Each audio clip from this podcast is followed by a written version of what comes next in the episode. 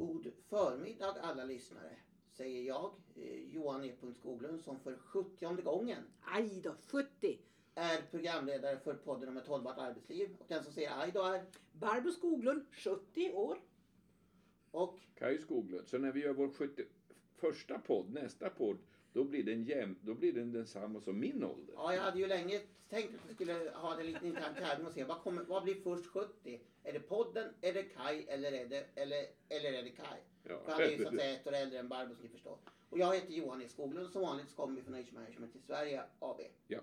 Ja. Och eh, som utlovat i förra podden så ska vi idag prata om två saker, nämligen nyttoperspektivet och en, eh, en artikel som jag läste i Svenskt Näringslivs nya tidning, Näringslivet. Som handlar om, eh, om något som Kaj har valt att kalla för onyttoperspektivet.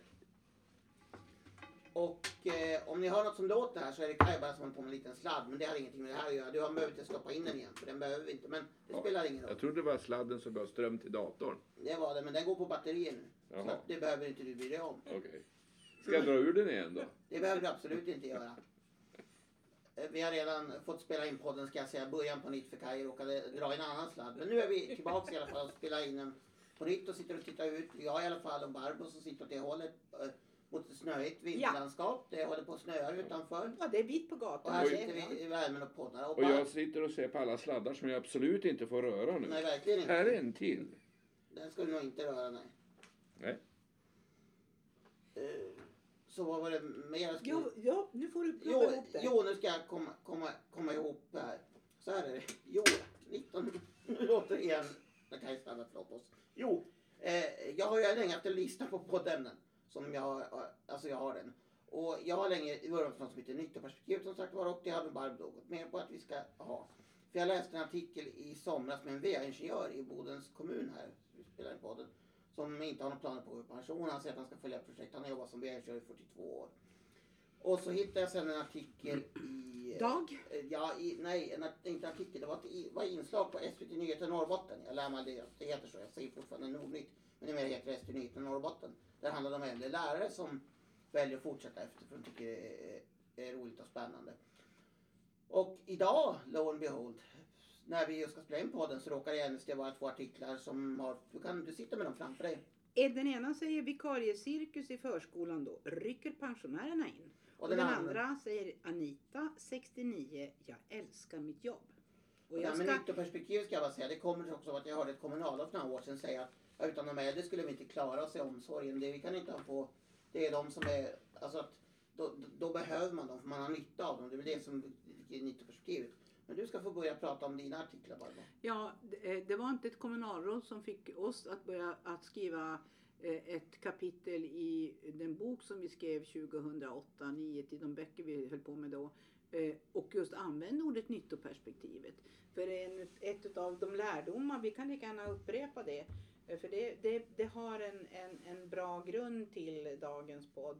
Det är ju så här att kronologisk ålder är inget bra mått på arbetsförmåga. Fortfarande så, så har vi fått för oss eh, vissa saker. Eh, vissa kallar det för fördomar. Vi är väl mer intresserade att det finns värderingar och attityder kring, kring olika saker. Och vi är skolade i att kronologisk ålder på många olika sätt är lika. Eh, och då kan man säga så här att ju äldre grupp medarbetare du har desto mer olika blir arbetsförmågan. Och det är ju naturligtvis så att alla 69-åringar inte av olika anledningar har kapacitet, vill eller kan arbeta. Men det finns också 69-åringar och det finns 72-åringar som jag kommer att prata om som definitivt har fortsatt att arbeta och vill fortsätta att arbeta. Och den här VA-ingenjören han var ju 60 någonting. Och vissa blir presidenter i USA när de har närmast 80 Ja, snarare. och så somnar de på Ja, små ja. tillställningar då också. Så att Vem vi- gör inte det? Nej, vem gör inte det? Och du har somnat eh, långt innan du blev 71. Ja, då. Ja. Så att det har inte heller med kronologisk ålder att göra. Eh, men det här med nyttoperspektivet är då så att säga en jätteviktig faktor. Det handlar alltså om att, att eh, det man har nytta av det gör man som chef. Och det innebär att det här att, att nu ska vi liksom ta tillvara på alla äldre. Det funkar inte så enligt vårt sätt att se. Men däremot när man får nytta av dem och man, man ser att det faktiskt funkar.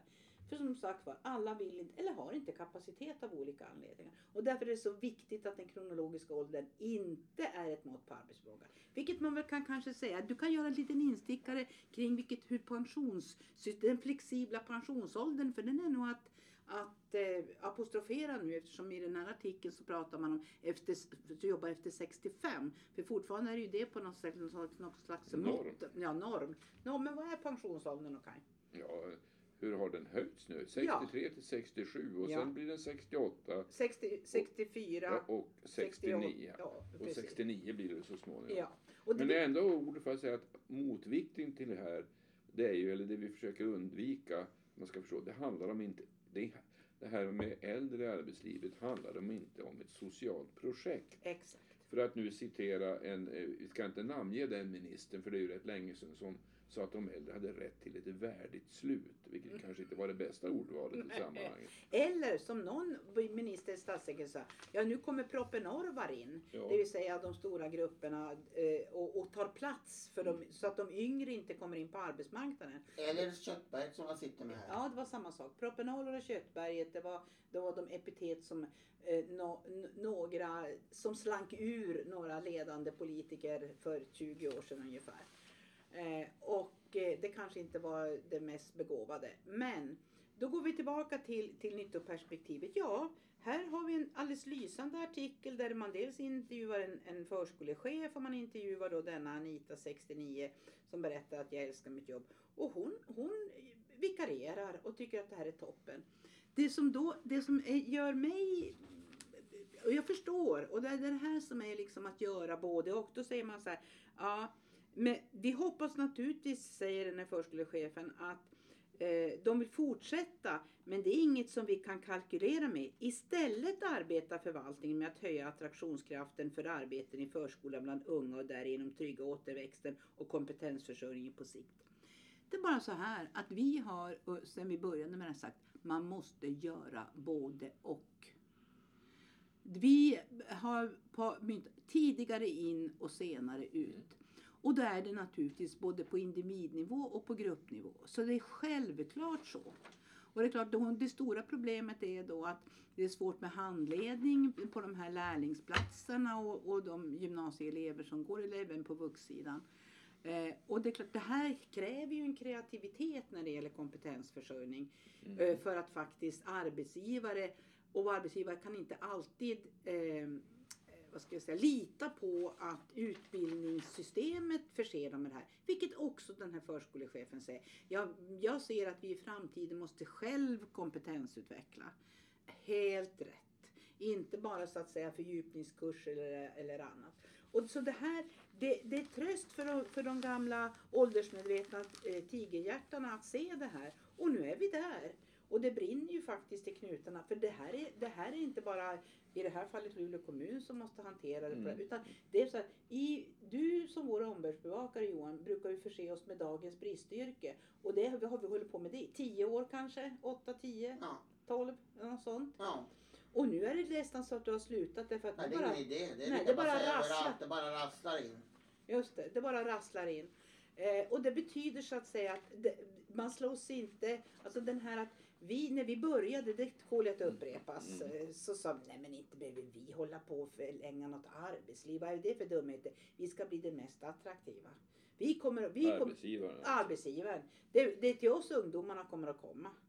2009, 2010 var ju när, när de, eh, ja, vi hade ett stort uppdrag i alla fall åt, åt det dåvarande landstinget och det visade sig att nej, inte ens i Luleå, då var Luleå kommuns dåvarande kommunalråd upptäckte att ja, även om en hel grupp studenter skulle eh, bli anställda inom det eh, kompetensförsörjningsbehov som Luleå kommun hade så skulle det ändå inte räcka till. Och det här, det här är ju, det, det redan då var det ju, eh, ja, det är ett helt nytt sätt att förhålla sig till detta. Och då är det alltså inte en standardlösning. Det är väl det jag vill landa i. Det är inte en standardlösning. Så det här är, är men det intressanta är citaten. Mm. Och det är det här som de säger, men vad är det som gör en attraktiv arbetsgivare då? Ja, det är en bra arbetsmiljö. Vad är en bra arbetsmiljö då? Ja, det finns ju den gamla devisen.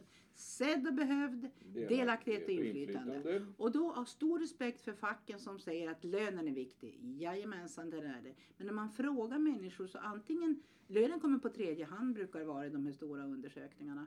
Tredje, fjärde kanske. Ja.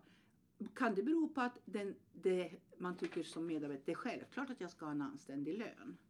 Eh, men det är också så att det är den fackliga organisationens uppdrag att bevaka löneutvecklingen naturligtvis. Men vad säger då eh, 72-åriga eh, Kerstin som är, som är lärare i grundskolan? Hon klev av en sommar, ett sommar, precis i sommaren och så blev hon mer eller mindre övertalad av en kollega, tidigare kollega. Så, ja men kan inte du komma och jobba? Ja, hon visste men i alla fall.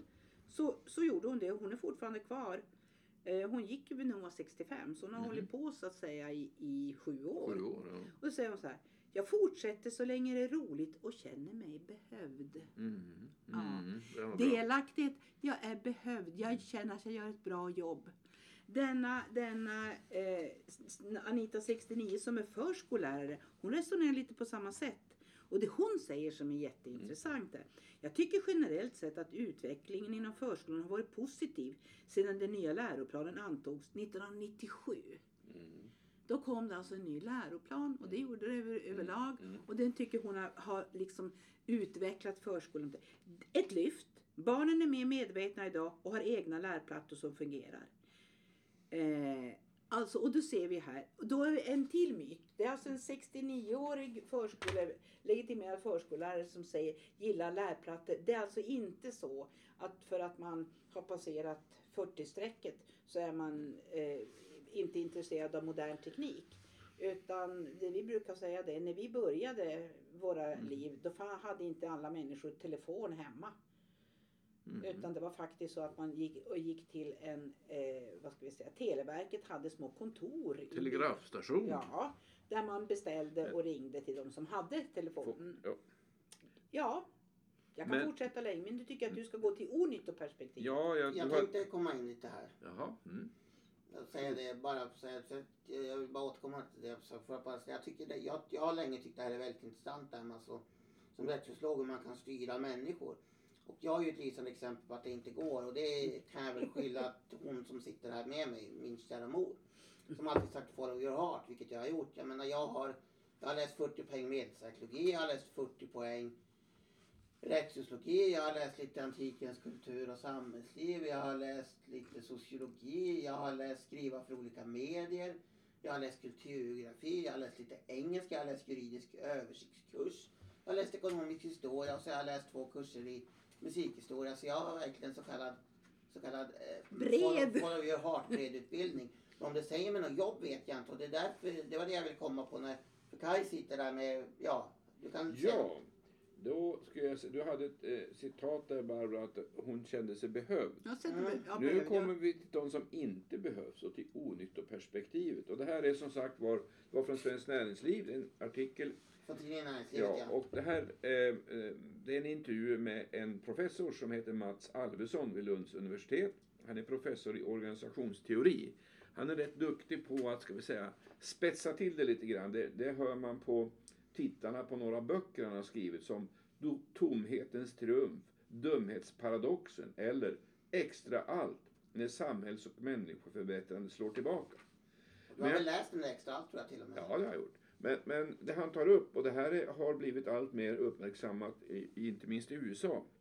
Därför att det betalar man ju stora summor för sin egen universitetsutbildning. Har man inte rika föräldrar eller får stipendium så måste man låna och skuldsätta sig. Och det han, säger, han börjar med att säga att före gymnasiereformen 2011 så gick eh, 50 procent av landets elever gick ett yrkesprogram och hälften gick då Alltså, ett, du måste säga, man måste låna i bank.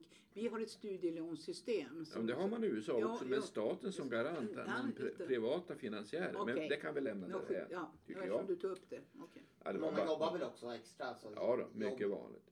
Men hälften lös, eh, läste alltså ett yrkesprogram och hälften läste då eh, ett annat program, ett teoretiskt program. Eh, sen tog man bort eh, förhållandet att eh, yrkesprogrammen gav högskolebehörighet. Och åtta år senare, då måste vi vara 2019-2020 eh, ungefär, då var det bara 29 procent som läste en yrkesutbildning och 60 procent läste högskoleförberedande program. Det fattas några procent när man lägger ihop det, men det kan vi lämna därhän. Men det han säger är att, att eh, det här har, det har blivit en eh, så här, övertro på högre utbildning. Längre. Längre utbildning. Förlåt. Mm. Han säger så här att hälften av den som läser på högskolan läser samhällsvetenskap, humaniora, juridik, eh, vilket är för många eftersom det inte finns tillräckligt jobb inom dessa sektorer. Eh, följden blir att få av dem som går högskoleutbildning får jobb i linje med vad de förväntar sig. Istället får de det han kallar för halvenkla administrativa jobb där de inte får användning för det som de har läst om. Eh, samtidigt som menar han, och här säger näringslivet också att det här gör att vi istället vi får ett, vi får ett överutbud, ett överskott på utbildade, högskoleutbildade personer som vi inte har behov av. Samtidigt som vi har ett eh, Underskott. stort, stort underskott när det gäller eh, praktiska yrkesutbildningar. Och där, när de har intervjuat Svenskt Näringsliv också som säger att ungefär 40 procent eh, av en årskull borde, på gymnasiet borde vara en yrkesutbildning för arbetsmarknadens behov jämfört med då ungefär 30 procent idag. Och deras förslag är att ja, kurs, det ska finnas kurser som ger högskolebehörighet på de praktiska utbildningarna, men man ska kunna välja bort dem. För det var ju tydligt att när man plockade bort högskolebehörigheten så var det väl en hel del som tyckte att ja, då Mm. vill inte jag gå ett yrkesprogram. Eh, så det här, jag tycker det här är oerhört intressant. Och som sagt var, det här är en stor fråga i USA. Nu har han inte refererat, men jag vet att Mats Alvesson i andra artiklar har, har refererat eh, en amerikansk forskare vars namn jag inte kommer ihåg, men som har haft ett par artiklar tror jag, i Svenska Dagbladet Mm. för inte så länge Mm. sedan. Och- det är klart, Mm. förutom att du står där med en utbildning som inte ger jobb som passar med din utbildning, i nivå med din utbildning. Och du dessutom har stora privata studieskulder, och då är det ju betydligt större än i Sverige. Mm. Då är det ganska surt. Typ. Typ, det var min Ja. kommentar. Mm. Onyttoperspektivet. Mm. Och då ska jag anknyta till, till det på slutet och säga att eh, på tal om universitetsstudier som jag har pratat en del om så ska jag säga att igår så firade Luleå tekniska universitet sitt 50-årsjubileum Mm. med en liten konsert. Ganska stor. Konsert som jag var och recenserade och på vägen dit, jag skulle från Boden upp till konserten var i Luleå, jag skulle till Luleå. Så tog jag bussen i 45 minuter och under dessa 45 minuter så ägnade jag mig åt att läsa igenom Arbetsförmedlingens nya rapport Arbetsmarknaden för personer över 55 år, utvecklingen sedan 2010. Mhm. Och den fann jag så intressant att jag enväldigt bestämde att det ska podd nummer 71 handla om. Nej men lysande. Härligt. För den har, Härligt. den har mina kära, den har bara på 27 sidor så jag hann läsa den på 45 minuter som bussresan tog. Men den har Tillräckligt intressant för att vi ska ägna en podd åt Jag tycker den. vi ska ägna en podd åt den. Ja, men bra. De fick ju svidande kritik av Riksrevisionen här. För att det gjordes för lite för anställda över, över 55. Ja. Och så kom ju också den, numera salen insomnade, men eh, Delegationen för senior arbetskraft kom med sitt slutbetänkande och hade en massa förslag på idéer och sånt. Och det här, delvis bemöter man med det här i den här nya rapporten. Så jag tänkte att den kunde Ja, vi då, då ska jag hålla min tunga. prata om i nästa Då ska podd jag- tänkte jag. Då ska jag Here we hålla... go mot 71. Ja, Härligt. ja Mm. och jag, då ska jag hålla min Ja. tunga för jag hade naturligtvis en kommentar på Men det sparar jag till nästa podd. Ja. Vi gör det till nästa podd Mm. och då säger vi tack så mycket och hej och en trevlig helg säger vi. För det Tackar, tackar. Tack och hej.